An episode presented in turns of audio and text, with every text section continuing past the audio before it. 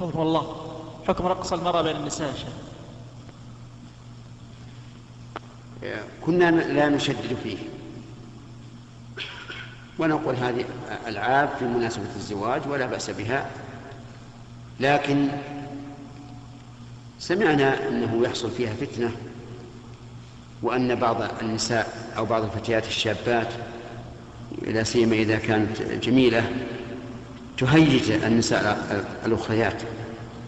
حتى قيل لي إن أنه أحيانا تقوم المرأة من من الحاضرات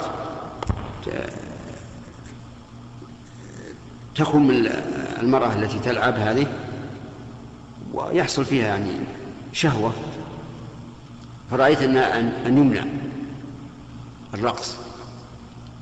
أما رقص الصغار البنات الصغار مرة الفتيات هذه قد يقال أنه لا بأس به.